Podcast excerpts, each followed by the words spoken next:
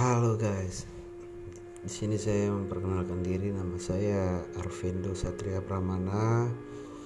Uh, di sini di podcast saya ini yang channelnya bernama Cerita Seram. Uh, kemungkinan saya akan menumpukan, mengumpulkan cerita-cerita seram saya, pengalaman saya pribadi. Jangan lupa ikuti terus episode-episode saya dengarkan ingat jangan pernah mendengarkan cerita seram saya sendiri. Karena apabila anda takut jangan bermain-main dengan cerita-cerita horor ya. Oke teman-teman. Uh, oke kita lanjut ke episode-episode baru kita. Terus ikuti kita dengarkan kita. Oke thank you